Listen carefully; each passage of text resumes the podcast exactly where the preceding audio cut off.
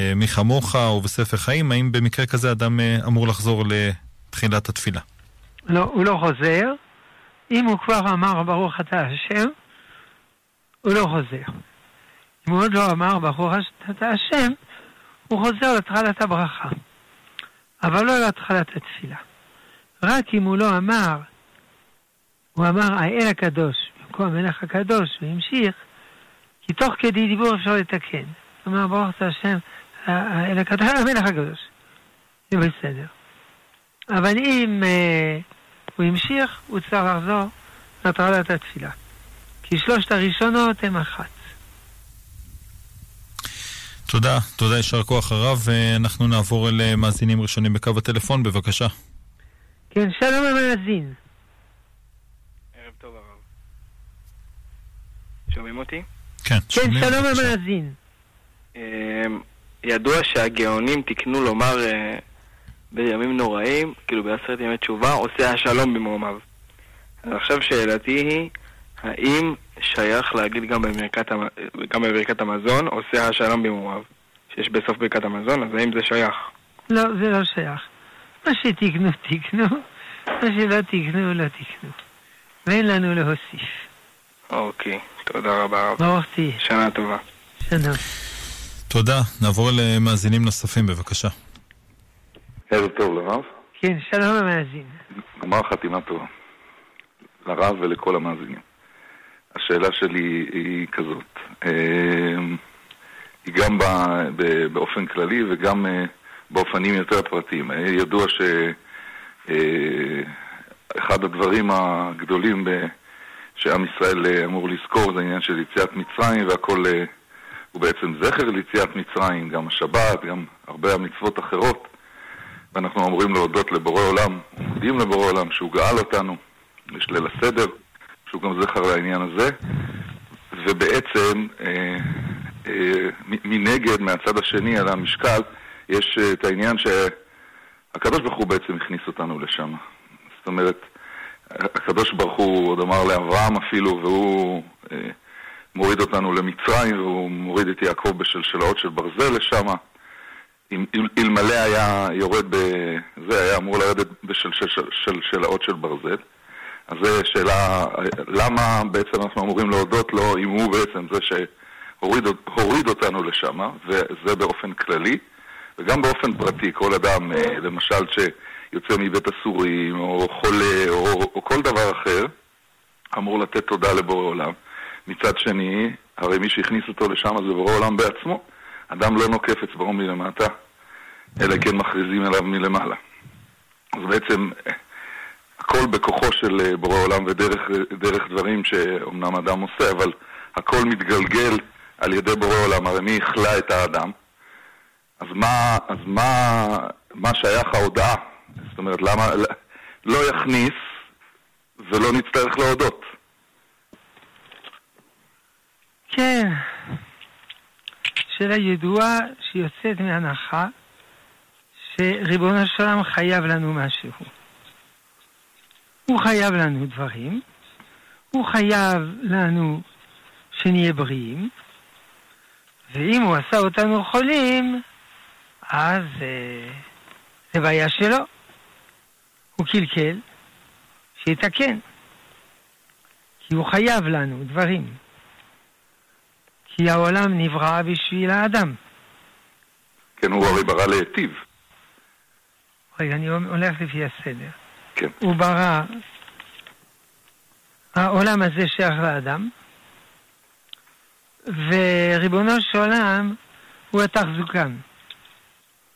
ואם הקרוסלה לא פועלת, אפשר לבוא בטענות אל התחזוקן. מה הולך פה? ואני הסתובבתי בקרוסלה וקיבלתי שריטה, אתה צריך לשלם לי. זו הנחה מאוד מעניינת. אבל היא לא נכונה. ריבונו של עולם לא חייב לנו שום דבר. הוא לא חייב שום דבר לאף אחד. אנחנו לא בעלי בית על זה העולם, אלא הוא בעל הבית.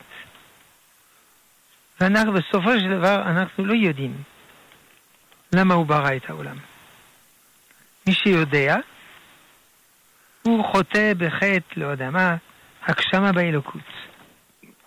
כאילו הוא מבין את החשבונות של ריבונו של עולם. אנחנו לא מבינים. כל מה שכתוב בכל הספרים, מראשית עד אחרית, השם עשה ככה בגלל, בגלל, בגלל, כל זה מבחינתנו. זה לא מבחינתו. מבחינתו אנחנו לא יודעים כלום.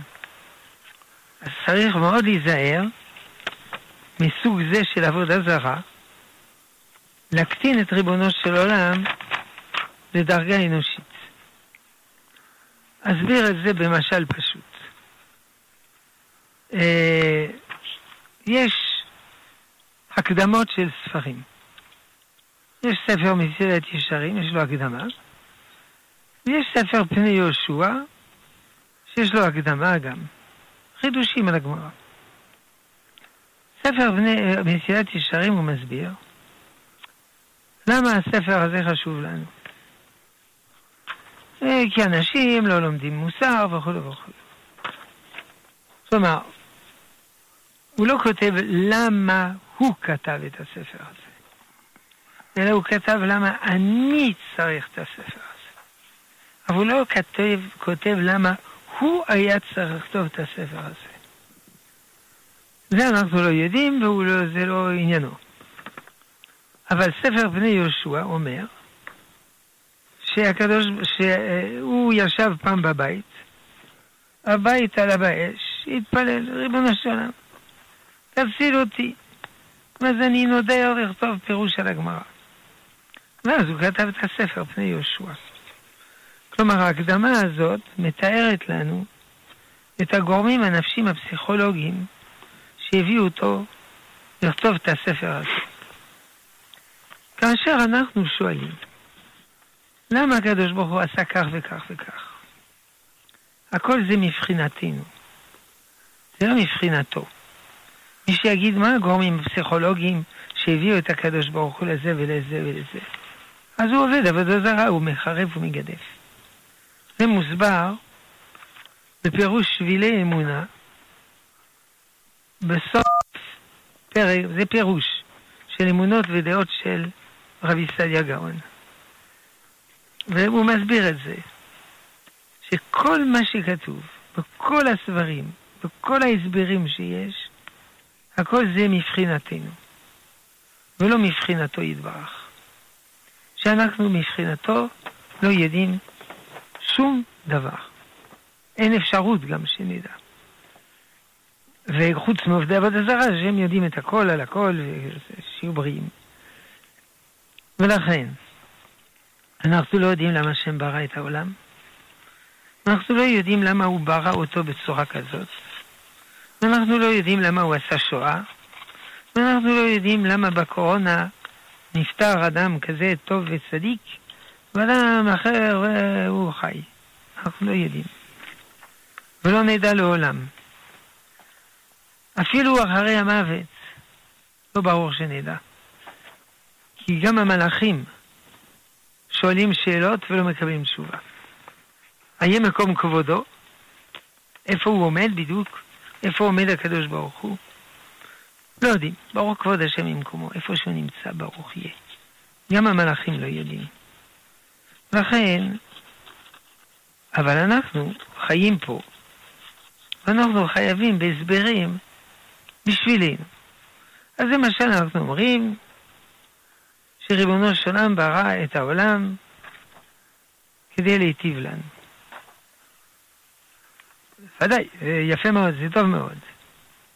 יחד עם זה, שוב חוזרת השאלה, ולמה הוא צריך להיטיב לנו? ולמה הוא צריך לברוא ברואים כדי להיטיב להם? ודאי שאנחנו לא יודעים.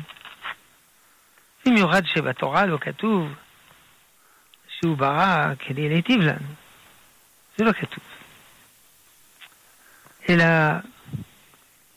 אה, זה כתוב בכמה ספרים של גדולי עולם, אבל זה לא כתוב בתורה. בספר מסילת ישרים, אגב, מי שכתב, שזה, הזכיר את זה, שהקדוש ברוך הוא ברא את העולם כדי להיטיב לנו, זה הרמח"ל. אה, בספר דרך השם. אבל בספר מזילת ישרים הוא כותב שהשם ברא את העולם כדי שתהיה לנו דבקות אלוקית. כלומר שנהיה דבקים בשם. ואיך אדם מנסה דבק בשם? על ידי שהוא מקיים מצוות. אז הוא נעשה דבק בשם.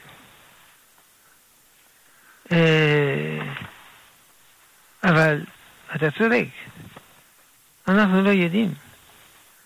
אנחנו, כמו שאמרתי קודם, גם את השואה, אנחנו לא יודעים למה עושה שואה. ופה אנחנו אפילו מתקשים להמציא דברים. עכשיו, גם אם אני אגיד, ריבונו של עולם עשה דברים, עושה דברים לטובתנו. גלות מצרים זה לטובתנו. זה ודאי אתה יודע במפרשים שזה לטובתנו. אבל בשביל זה מקום קשה, אז מה אם זה מקום קשה? אבל זה בכל זאת לטובתנו. אה, את אשר יאהב, יוכיח, וכן הלאה. אבל אה, מאיזה מקום אה, נובעת החובה, החובה להודות? בוא נאמר, נניח את כל השיקולים שהרב אמר למה זה קרה ושזה היה לטובה, אבל אם הוא הכניס אותי לשם, אז כשהוא הוציא אותי משם, לא צריך להודות לו, לכאורה. לא. כי הוא, אם הוא רוצה הוא מכניס אותך, ואם הוא רוצה הוא לא מוציא אותך משם.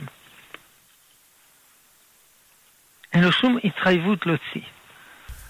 ועובדה שהכניס אותנו למחנות השמדה, ולא הוציא אותם משם. ולא הוציא שישה מיליון. הוא לא הוציא משם את הסבתא וסבא שלי מצד אבא. הוא הוציא את הסבא וסבתא שלי מצד אמא. ואני לא יודע למה. ועל זה צריך להודות? על זה שהוא למה... הוציא אותם? למה... הרי הוא הכניס אותם. אז על זה שהוא הוציא... אתה לא מודע לכך שחזרת שש פעמים על אותה שאלה. כן.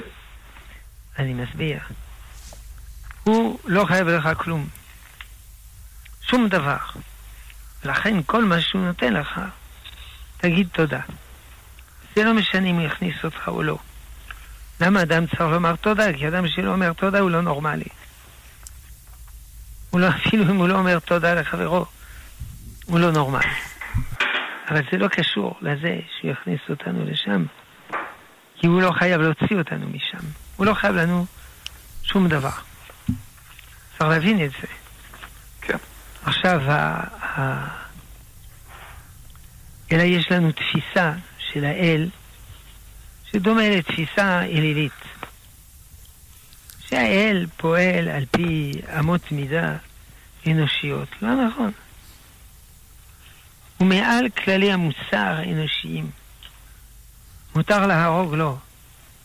אבל הקדוש ברוך הוא הורג אנשים. מה זה הורג אנשים? הורג את כולם. אז אולי נלך בדרכיו ונתחיל להרוג? לא. למה לא? כי אתה עוד לא הקדוש ברוך הוא. בסדר? אז צריך להיות ענבים ולהבין את זה. שהוא לא חייב לנו כלום. אני זוכר שבמלחמת יום הכיפורים נפלו חיילים, אולי אתה זוכר, הייתה אווירת נכים. בא תלמיד של ישיבת מרכז הרב, אל הרב ציודה, שבור ורצוץ, וחיכה. כשהרב ציודה התפנה אליו, הוא שאל אותו, איפה החוזה? איזה חוזה? כן, אני שואל אותך איפה החוזה. על איזה חוזה הרב מדבר? איפה החוזה שהקדוש ברוך הוא חתם לך? הבין מיד את התשובה ואמר תודה והלך. הקדוש ברוך הוא חתם איתנו חוזה. לא חתם כלום. אנחנו כרתנו ברית עם הקדוש ברוך הוא? לא. הוא כרת איתנו ברית. כלומר, אנחנו חייבים. הוא לא חייב לנו כלום. עכשיו יש כל מיני מושגים מודרניים, שמעתי, יש דו-שיח עם האל, וכל מיני מילים כאלה. יש דו-שיח איתו, איזה הבלים. יש דו-שיח עם הקדוש ברוך הוא, כאילו הוא חבר שלך מהסניף. איך אומרת הגמרא? חברותא כלפי שמיא? הקדוש ברוך הוא חבר שלך? צריך קצת שכל, קצת חרדת קודש, לדעת שהקדוש ברוך הוא לא חבר שלנו. ולא מחשבותיו מחשבותינו, לא מחשבותיו, כי כאשר גבו דרכי מדרכיו, כן עברו דרכי מדרכותיו, וכן הלאה וכן הלאה. זה הכל. לכן, הוא לא... ואילו פינו מנשיר הקיים, באמת, איננו מספיקים להודות להשם. ו... ונוסף זכר צריך לדעת, שגם הצרות זה לטובתנו. למה הצרות הן לטובתנו? כי יש מצבים שאדם נבנה מתוך תנאים קשים. איך קוראים לזה בצה"ל? אה, קשה באימונים, קל בקרב. אז אנחנו עברנו, ועוד נעבור אולי, אימונים קשים מאוד, שהקדוש ברוך הוא מעביר אותנו, אבל זה לטובתנו. כאשר ייסר איש את בנו, כן אלוקים מייסרקה. אדם מייסר את הבן שלו. למה? מה, הוא ייתן לו לעשות כל מה שהוא רוצה? הוא יצא, הילד הזה מופקר לגמרי. אז אבא מייסר אותו. עושה לו טובות, עושה לו, נותן לו עונשים לפעמים, מקפיד עליו, נוזף בו, וכן הלאה. אבל זה לטובתו של הבן, כל זה. רק אפילו שאנחנו לא מבינים למה. את אשר יאהב, יוכיח. הוא אוהב אותנו, הוא מוכיח אותנו. אז אם ככה, אז למה להודות להשם שהוא הוציא אותנו מזה? אברבה, חבל שהוציא אותנו מזה. היה צריך להשאיר אותנו בתוך זה. טוב, עד כדי כך, זה לא מדרגה שלנו. אבל שם טוב היה אומר, הרי ייסורים ממרקים. אם ככה, צריך להתפלל לשם. שישלח לנו ייסורים, או אפילו אנחנו בעצמנו צריכים לארגן לעצמנו ייסורים. אמר אבל שם טוב לתלמידיו. כן, כדאי לארגן לעצמנו ייסורים. עכשיו, הייסורים הכי טובים, אמר אבל שם טוב, זה עלבונות. זה, איך אומרים, קטן וקומפקטי, זה לא גורם ביטול תורה, זה לא גורם ביטול תפילה, עלבונות. לכן, תתפללו כל בוקר שיעליבו אתכם. עד כדי כך. טוב, אה, מאזינים יקרים, אה, אל תתחילו לעשות את זה. אנחנו לא במדרגת אבל שם טוב ותלמידיו. אבל אנחנו מבינים מה שהוא אומר. הייסורים מתקנים את האדם. חסידי אשכנז, רבי יהודה החסיד, רבי שמואל החסיד, בעל הרוקח, היו מקבלים על עצמם ייסורים. זאת אומרת, היו מארגנים לעצמם ייסורים. גלגולי שלג, גלגולי קרח, ישנים איפה שרקים עקצו אותם וכולו וכולו. הייסורים מזכחים את האדם. אבל אנחנו לא אומרים, טוב, אתם מזכרים שיישארו. לא. הקדוש ברוך הוא החליט שאת השאר הוא ישלים בדרך אחרת. כמו שאנחנו אומרים, שבת היא מלזעוק. לא, לא לזעוק בשבת. לא, לא, לא לבכות. איך לא לבכות? הוא ישוע קרובה לבוא. איך זה? איך זה יכול להיות? אה, על ידי קדושת השבת. קדושת השבת פועלת במקום הייסורים. הקיצור, כן. לזכור את היסוד הזה.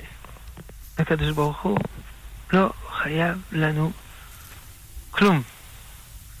אנחנו חייבים לו הכל. בעל כוחך אתה נוצר, בעל כוחך אתה נולד, בעל כוחך אתה חי, בעל כוחך אתה מת, ובעל כוחך אתה עתיד תיתן דין וחשבון. זהו, וכמובן, אנחנו יודעים שהקדוש הוא אוהב אותנו, בסופו של דבר, הכל לטובתי. טוב, ברוך תהיה על השאלה החשובה שהרבה. מהנוער שלנו שואל בצדק. תודה, תודה רב, יישר כוח. אנחנו נעבור אל מאזינים נוספים בקו הטלפון, בבקשה. כן. ערב טוב, כבוד הרב-. כן, שומע. אותי? כן, שלום. רציתי לשאול אותך שתי שאלות בעקבות שיחתך עם ה- עם הבר-שיח הקודם, שאנחנו צריכים להיות דבקים בהשם, והקדוש ברוך הוא באמת לא חייב לנו שום דבר. אני מסכים איתך, אבל אני שואל שאלה, אה, תורה שאין עימה מלאכה, סופה להיעלם. תורה שאין עימה מלאכה, סופה להיעלם. ושאלה שנייה, לגבי... רגע, לא הבנתי, מה- מה השאלה? השאלה, תורה שאין עימה מלאכה, סופה להיעלם. כן, מה תורה- דעתך? תורה שני במלאכה, סופה בטלה וגוררת עוון. אתה צודק. זה מאמר נכון. חז"ל, שואל- אתה צודק, אבל מה שאלה. השאלה? השאלה אם אדם, אם, אם האבא חייב ללמד את בנו מלאכה, כדי שלא יהיה מקבץ נדבות. אתה שואל. האם צריך ללמד את בנו מקצוע? כן, והשאלה אם בגיל רגע, 20 רגע, הוא מה- השאלה? השאלה אם חייבים ללמוד האם- מקצוע. זה השאלה. השאלה, לא, השאלה היא כזאת, אני לא רבנו. השאלה היא שבגיל 20 הבן אדם מתהווה. פניו מתהווים, פניו אה, אה, מקבלים את המשמעות של חייו לעתיד. האם בגיל 20 זוהי ה... זהו הגיל המתאים, ללכת לעתודה הצבאית או לישיבה? לישיבת אני לא. מבין כלום. קודם אתה אומר אדם צריך ללמוד מקצוע, אחר כך נכון. אתה שואל האם צריך צבא או ישיבה.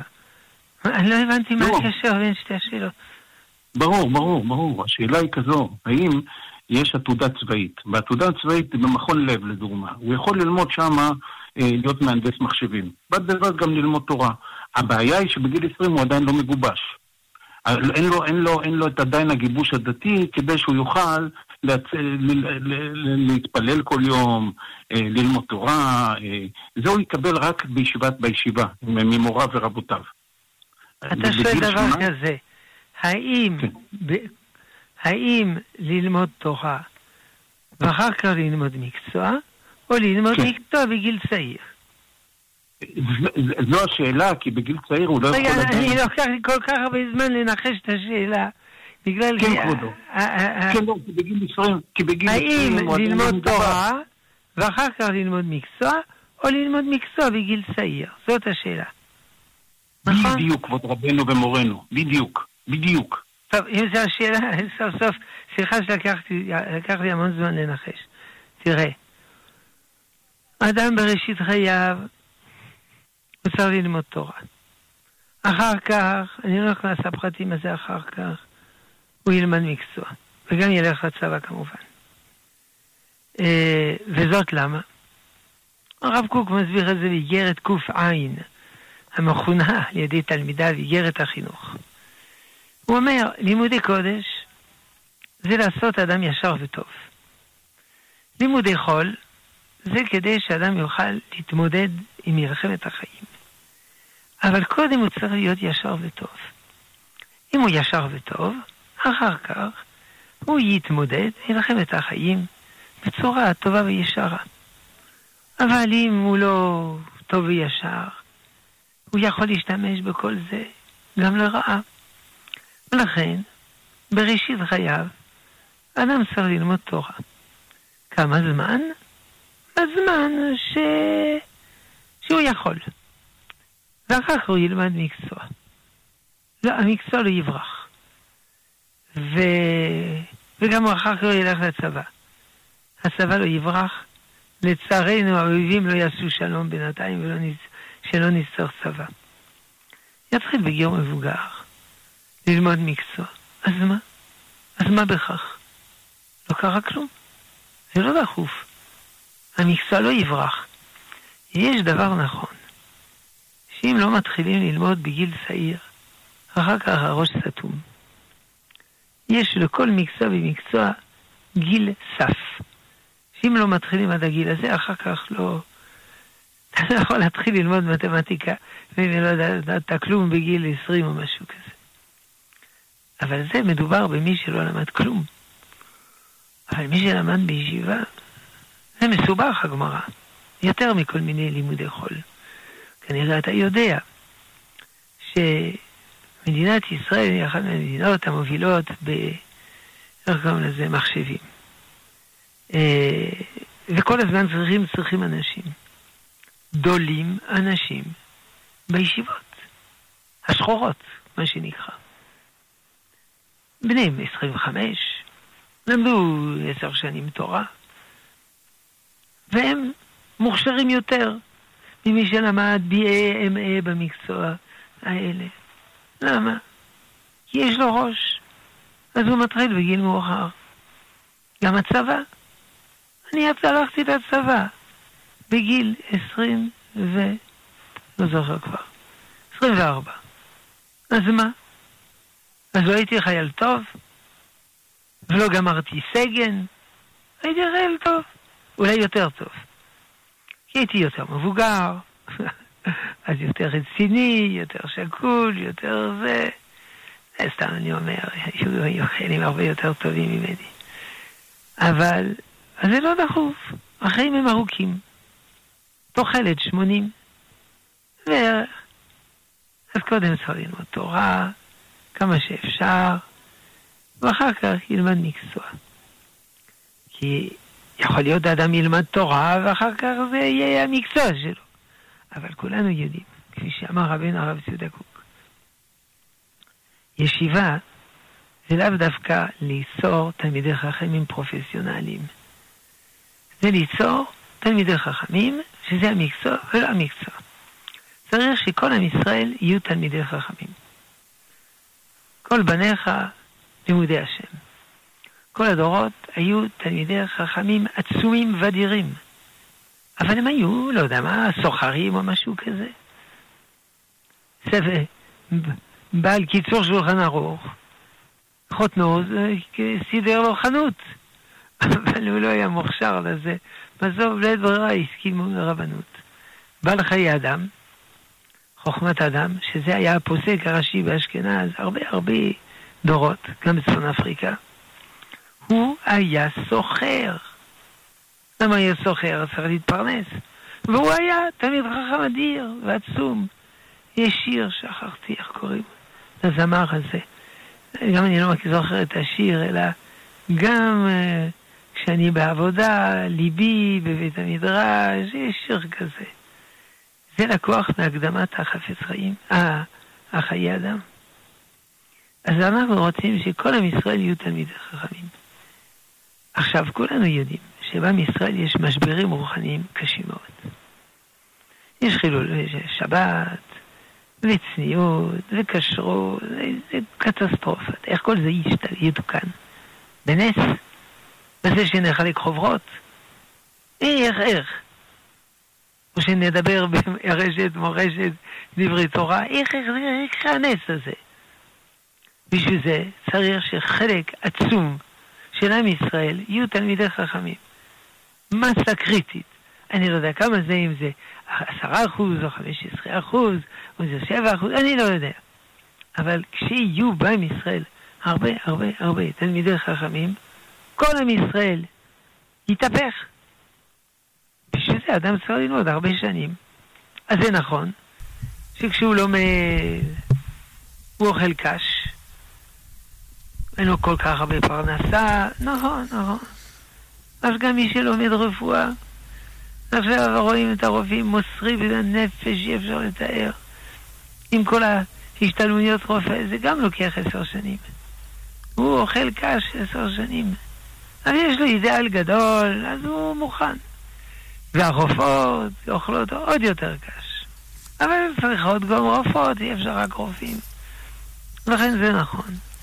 מי שלומד תורה הרבה שנים, אין לו חיים כל כך אה, נוחים. אבל הוא מקבל את זה באהבה. הוא ואשתו והילדים מאושרים.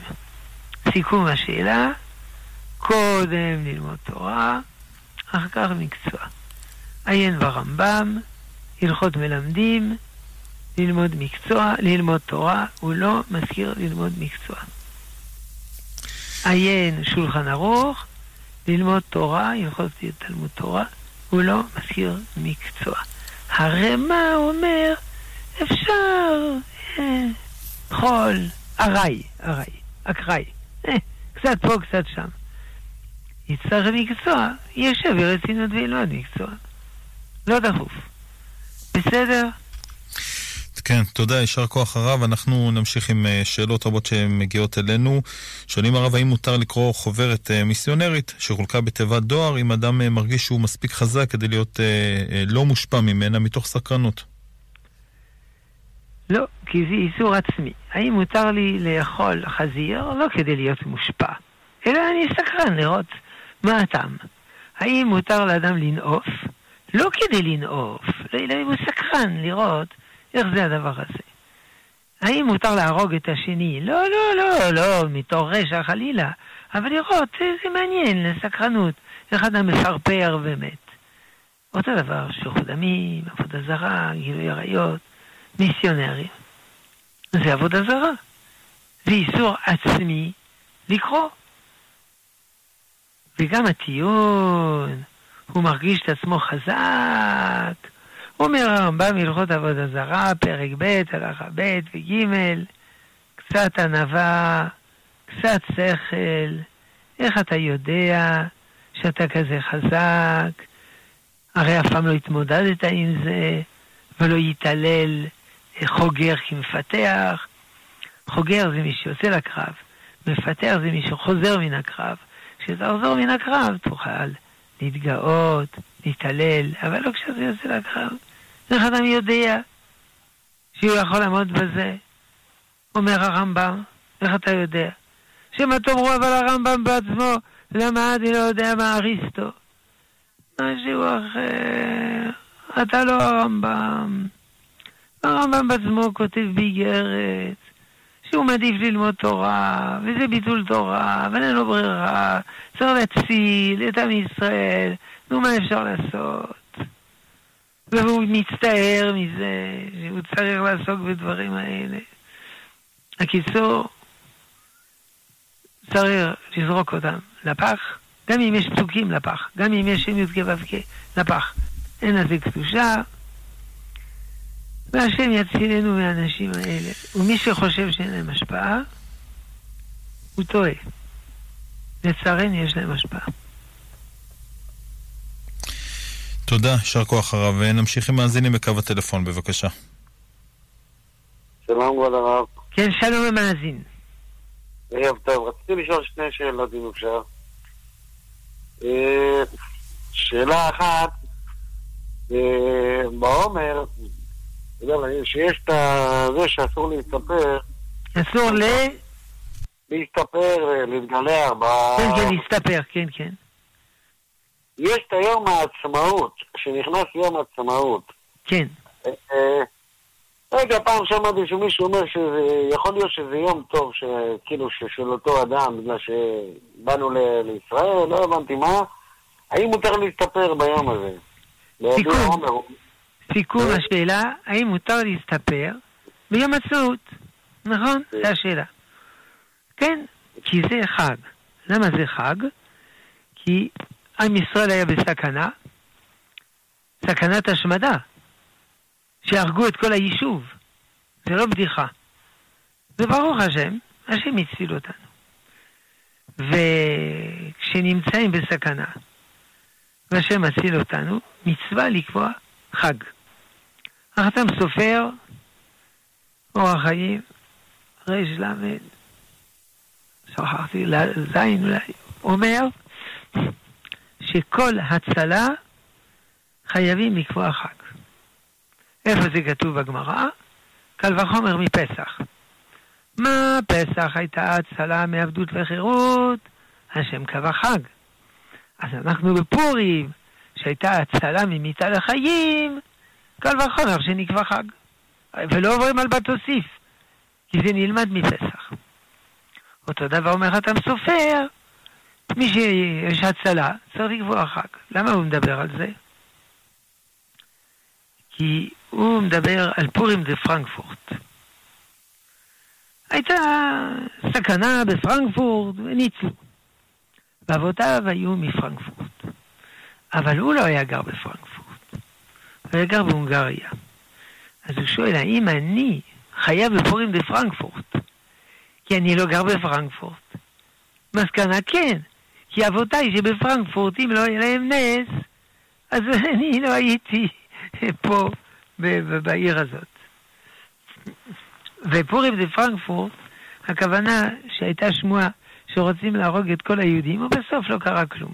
ולא יודעים עד היום אם באמת הייתה תוכנית שנפלה, או שסתם הפיצו שמועה. אז הוא אומר, הנה, על הצלה של פרנקפורט, יש פורים של פרנקפורט. ופה הייתה הצלה של כל עם ישראל. ולכן, זה יום טוב לנו. גם מלחמת ששת הימים הייתה הצלה. גם מלחמת יום הכיפורים הייתה הצלה. אז למה לא עושים חג מלחמת יום הכיפורים? נכלל ביום עצמאות. זה נכלל.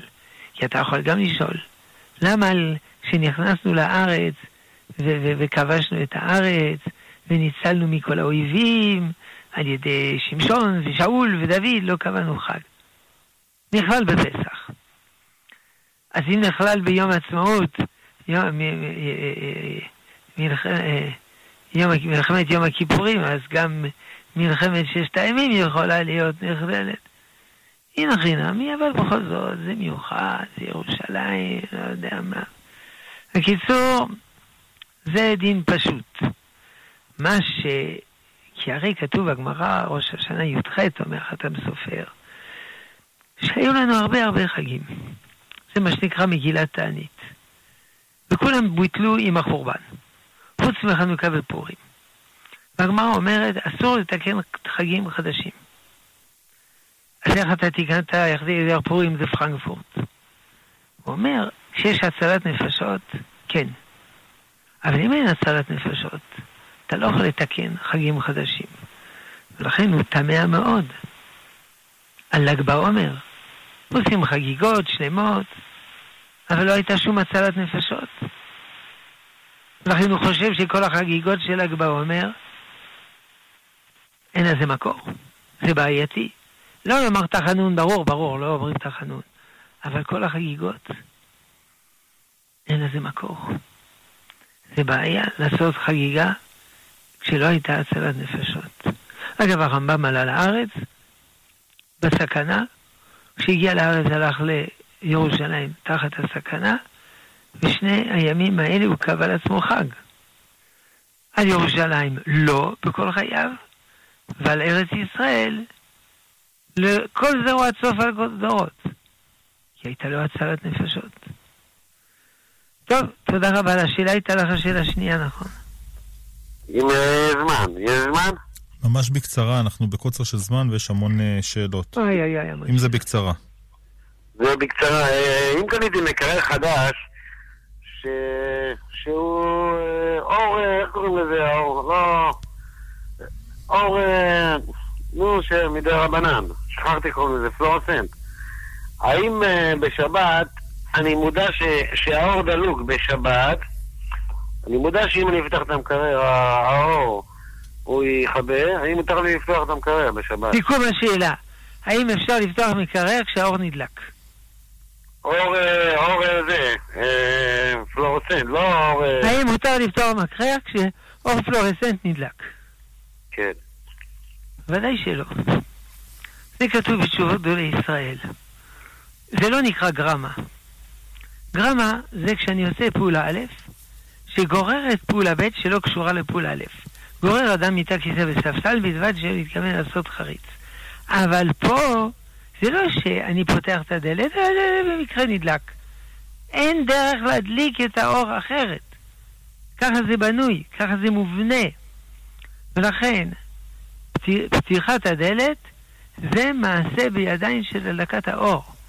ככה אמרו גדולי ישראל בדור הזה, כולל הרב, שכחתי שמו, מנוחה, התאווה, הרב משה לוי בהקדמה של הלכות שבת, אם אני לא טועה, שזה נקרא מעשה בידיים וזה אסור. ולכן, כשקונים הקריאות צריך להוציא את, את הנורה הזאת, וגמרנו, מה נעשה? על פי חוק, לפעמים ליל שבת, אחרי הקידוש, לא זוכר, דופק לי בדלת אה, זוג צעיר, כזה מבויש. אז אני אומר להם, מזל טוב, שהתחתנתם. אני לא מכיר אותם. נכון שכחתם אור במקרר? הוא איך אתה יודע? לרוח הקודש. מי, מי יבוא באמצע ארוחה, זוג צעיר כזה? טוב. טוב, תודה רב, יישר כוח. אה, נמשיך ברשותך עם אה, מסרונים. שואלים לגבי אדם אה, שנמצא בבידוד, כבר מלפני ראש השנה ועד לאחר יום כיפור, כיצד יעשה התרת נדרים? האם אפשר לעשות דרך הזום? כן, אפשר לעשות התרת נדרים בטלפון אפילו. לפעמים אדם לא יכול להגיע, זה קשה לו, במיוחד אישה, עסוקה. אז היא מטלפנת, שלושה רבנים נמצאים, ב... איך קוראים לזה? רמקול בטלפון. עושים התרת נדרים, אפשר גם לעשות. במיוחד שהתרת נדרים שמדובר עליה זה לא התרת נדרים שהתורה דיברה. התורה דיברה שלושה התרת נדרים, שלושה תלמידי חכמים שיודעים להתיר נדרים, למדו מסכת נדרים, הלכות נדרים. התרת נדרים הזאת היא יותר קלה, היא מתייחסת למנהג שנגעו שלוש פעמים או פעם אחת על דעת להתמיד, או אדם שכח מה שהוא נדר. קל וחומר שאפשר לעשות את זה בזום. באותה הזדמנות, אם הזכרנו את הקורונה, במדינה הזאת יש יותר מדי חכמים שיודעים את הכל. הם יודעים שאין קורונה. מתו אנשים, אז ממילא מתים אנשים. לא אין קורונה. בעולם מתו קרוב למיליון, זה לא, באמת ממילא מתים אנשים. תודה רבה. אני מציע לך שתעבוד במחלקת קורונה בבתי החולים. ותראה בדיוק מה קורה שם.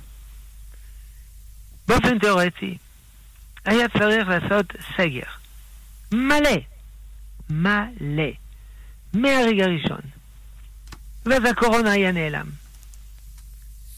אבל יש לחצים פוליטיים, ויש לחצים דתיים, אז עושים מלא חורים בסגר. כמו עוגת גבינה שוויצרית. ומשלמים בדבר הזה. כי שאלתי את הנגיף קורונה. הוא לא שייך לאף מפלגה, והוא גם לא דתי. ולא אכפת לו מכל הדברים האלה. אם זה מסוכן שיהיו 20 אנשים בבית כנסת, איך זה פתאום לא מסוכן בראש השנה וביום הכיפורים? מה, לנגיף שיש חרדת קודש? לכן כל ההוראות חייבים לשמור, ואפילו יותר מן ההוראות. כי כל ההוראות האלה הן הוראות מקילות. ואף על פי שמדי פעם יש איזה רופא שאומר שאין קורונה, אין קורונה. אבל תראו, מחלוקות בין רופאים תמיד היו ויהיו.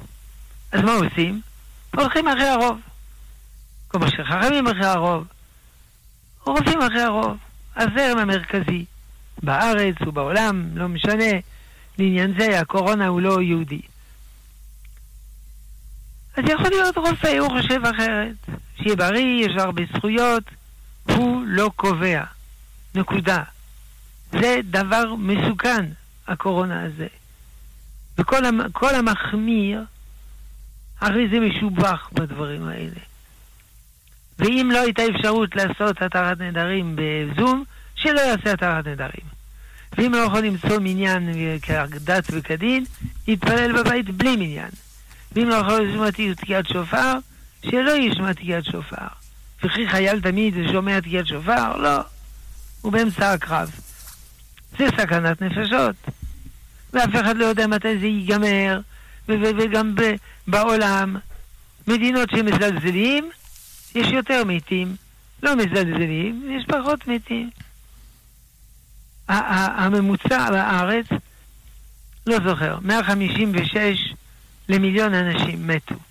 הממוצע העולמי זה 126. כלומר, אנחנו עוברים מעל הממוצע העולמי של הדבר הזה. לא הרבה, אבל היו צריכים שימותו שלושה למיליון, אפס למיליון. לכן, אנא לא להתחכם, אנא להקפיד על כל ההוראות, ולא להתחיל לפילוסופיה ופלפוסים, וזה, וזה במחלה. כולם רופאים, כולם רבנים, כולם רמטכ"לים, כולם יודעים את הכל, כולם ראש ממשלה, כולם יודעים את הכל. לא נכון. להקפיד על הדברים האלה כדת וכדין. ואם אתם לא מאמינים לי, תדברו עם אחות או רופא שעובדים במחלקת קורונה. רק אחר כך אה, תבקשו אה, מאיש מד"א שיטפל בכם, כי תתעלפו. טוב. כן, טוב. אנחנו uh, גם uh, בשעה הזאת, בשעה הבאה, נדבר על הנושא הזה של הקורונה. Oh, מנהלת, מחלקת, מנהלת מחלקת uh, בריאות הנפש בעזר מציון, אז uh, גם יוכלו להשתתף המאזינים. אנחנו נמשיך, יש לנו עוד כעשר דקות סיומה של התוכנית, לפני שנעבור למאזינים נוספים. עוד uh, מסרון שואלים איזה ספרים מומלצים, uh, על דעתך רב, ללמוד כדי לחזק את האמונה והביטחון. אין אדם לומד תורה, אלא במקום שליבו חפץ. יש המון המון המון ספרי אמונה, בהמון המון סגנונות. אדם צריך לראות מה הספר שמחזק אותו. נקודה. ספרי אמונה, כל המדפים מלאים. הרב קוק ברן, הרב קוק הציע למשל בתוך ספרי ראשונים אה, חובות הלבבות, מורה נבוכים, ספר העיקרים, ספר אה, הכוזרי וספר, שכחתי, מורה נבוכים, אה, אה, ספר אמונות ודעות ורבי סעדיה גאון. חמישה ספרים. בתור ספרים עיקריים וכולו, אבל אפשר גם ספרים אחרים. יש גם ספרים של רבותינו האחרונים. ספר מצילת ישרים זה ספר מופלא, שאומרים שזה ספר הספרים. כלומר, מכל שורה שלו אפשר לפתח ספר שלם. כשהספר הזה הגיע לגאון מווילנה, הוא למד אותו בעל פה 101 פעמים על המקום. ואמר אם הרמח"ל היה חי, הייתי הולך אליו ברגל, שילמד אותי תיקון מידות. טוב, אנחנו אנשים פשוטים, לא צריך 101 פעמים, מספיק 100, לא צריך בעל פה, אפשר בכתב, לא צריך בבת אחת, אפשר לפרוס. ספר מופלא, ספר מסילת ישרים. אבל אמר, אין אדם לומד תורה, מקום שלא חפץ. ביטחון בשם, יודעים, היהודים בגלות. היו להם כל כך הרבה צרות, אי אפשר לתאר, שלעומת הצרות האלה, הקורונה זה גרושים. אז קראו שער הביטחון ברחובות הלבבות, קראו, קראו עד שכמעט ידעו אותו בעל פה. פעם מישהו התקשר אליי לרדיו ואמר שיש לו צרות וזה, הביטחון שלו, שיחזק לו את הביטחון. דיברתי, דיברתי, דיברתי, דיברתי, בסוף הוא אמר, לא הועלת כלום, מה אני יכול לעשות? אמרתי לו, תקרא שער הביטחון של רחובות הלבבות. שבוע הבא הוא שוב עלה בשידור, אמרתי, קראתי, וזה נתן לי ביטחון עצום. הוא יותר טוב ממך. כאילו, חשבתי להפך. בסדר. טוב. טוב, נעבור אל מאזינה בקו הטלפון. מאזין, בבקשה. שלום. שלום המאזין. אה, אדוני הרב, תשמע, בקשר לצום של כיפור, אני חולה בת 85 ואני מקבל חולת סכרת, מקבלת אינסולין, הרבה כדורים. הלו? כן, כן, כן. ויש לי בעיה גם מהלב, עברתי סינטר. וממש כל חולה, מה כדאי לי לעשות ביום כיפור? את שואלת האם את צריכה לצום ביום כיפורים או לא? זו השאלה. אם אני צריכה לצום, כן או לא? האם לצום או לא ביום הכיפורים, נכון? זו השאלה. כן, אבל נכון. תראי, אני לא רופא. את צריכה לשאול את הרופא. אה, רק הרופא קובע, הרב לא? לא יותר טוב מרופא הרב? לא, לא, לא. אני יותר טוב בגמרא, אבל ברפואה הרופא יותר טוב ממני. אז את צריכה לשאול את הרופא מה הוא אומר. רופא, האם מותר לך לצום, אסור לצום. יש לי הרבה כדורים, בוקר, ערב. נכון, נכון, נכון. אם זה רק הבעיה לקחת כדורים, כן. ולא צריך לצום, אפשר לקחת כדורים בלי לצום. איך לוקחים כדורים בלי לצום? אם לא חייבים לקחת את הכדור עם אוכל או עם שתייה, אבל נגיד שלא צריך, אז צריך להכין הרבה רוק בפה ולבלוע. ואם זה בלתי אפשרי, אפשר לקחת את הכדור עם מים לא טעימים. או עם מי מלח או עם תלפיסטי. כן. טוב, אנחנו, אה, הרב השלים את השאלה, את התשובה, נכון? כן, כן, כן. כן, שאלה חשובה. שאלה חשובה, שגם בטח עוד תישאל אה, הרבה עד אה, יום הכיפורים. הרב, נמשיך ברשותך עוד כמה מסרונים לסיום. שואל מאזין, האם, האם הוא עשה נכון שבמנחה היום, בצום גדליה, הוא אמר עננו לפני אלוקיי נצור, כי הוא שכח בשמה קולנו. כן, דיעבד אה, לא חייבים לחזור על ענינו. אה, אפשר לומר, בתוך אלוקינו צור. ודאי, הוא עשה דבר טוב. זה בעיה, עכשיו יש הרבה תוספות. זוכרנו לחיים, אה, אה, המלך הקדוש, מלך אוהב צדקה ומשפט, זוכרנו לזה. יש שש תוספות. ועם ענינו זה שבע. אז מה שאני עושה, אני הדל, אני מתפלל עם האצבע על הסידור. כל הזמן אני עוקב עם האצבע, זה עוזר לכוונה. כשאני מתחיל 18, אני שם את האצבע על מי חמורך ולא חי ברחמים. וכשהאצבע הרצה נתקעת באמצע, באצבע הזאת הקבועה, אז אני אומר. ואז אני מעביר את האצבע למקום השני. וככה, בשלישי, רביעי, חמישי, אחרת מי, מי, מי, שוכחים. אותו דבר ענינו, אותו דבר במוצאי שבת אה, אתה חוננתנו ותודיענו, או יעלה ויבוא.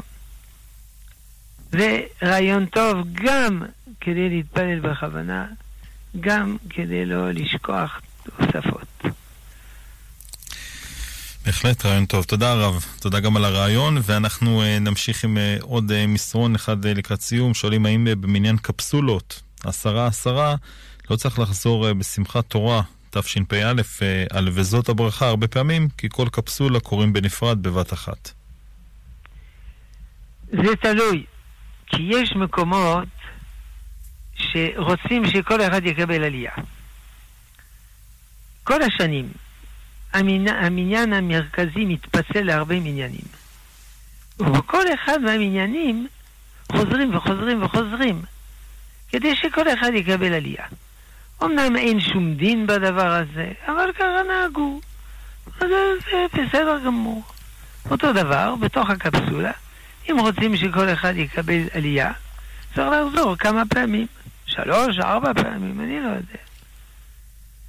טוב. טוב, עוד uh, משהו אחד נכניס ברשותך הרב, uh, שואלים לגבי הפסוק, uh, צהלי ורוני יושב בציון, שואלים מה המשמעות של ורוני. רוני זה לשמוח. השאלה מה ההבדל בין רוני לבין צהלי. זו כבר שאלה טובה, מה ההבדל. אבל יש עשרה לשונות של שמחה. אומר רש"י, אני חושב, בהתחלת ספר תהילים, רינה, עדיצה, חדווה, וכן הלאה וכן הלאה. אה, לא זוכר פה, רש"י אומר את זה. עשרה לשונות. וכמובן שיש הבדל ביניהם. אה, אני, זה, זה נושא ארוך. אבל עצם העובדה שיש עשרה לשונות של שמחה, וחדווה זה סימן שאנחנו עם שמח, ברוך השם. ויש לנו ממה להיות שמח. אמן, שנזכה. תודה לך, הרב שלמה אבינר, ראש ישיבת עטרת ירושלים, תודה שהיית איתנו גם בשעה הזאת, ונשתמע בלי נדר בתוכניות הבאות, שבוע הבא זה מוצאי יום הכיפורים. יש, לא אין תוכנית, אני מבין, שבוע אין הבא. תוכנית מוצאי שבת, אין תוכנית במוצאי כיפור הבא, לפי מיטב הבנתי. ובעוד שבועיים שזה. חול המועד יש תוכנית? גם לפי הבנתי, גם לא יהיה, אבל אנחנו כמובן נעדכן גם אותך וגם את המאזינים. טוב, שלום המאזינים, שנה טובה. תודה, תודה לך הרב, תודה גם אה, לצוות שהיה איתנו כאן אה, בשעה הזאת, ליובל יסוד ולגיא אה, מחבוש. אני עמירם כהן הייתי כאן איתכם, וכמו שאמרנו למי ששמע ולמי שלא, אנחנו מיד אחרי חדשות השעה 10 נהיה עם מנהלת אגף בריאות הנפש בעזר מציון, ונדבר על התקופה הזאת, התקופה הלא פשוטה שעוברים אנשים גם בבידוד וגם בתקופת הסגר, אז אם תרצו להשתתף, אתם תהיו מוזמנים בשמחה רבה. כאמור, נשתמע אחרי חדשות השעה 10.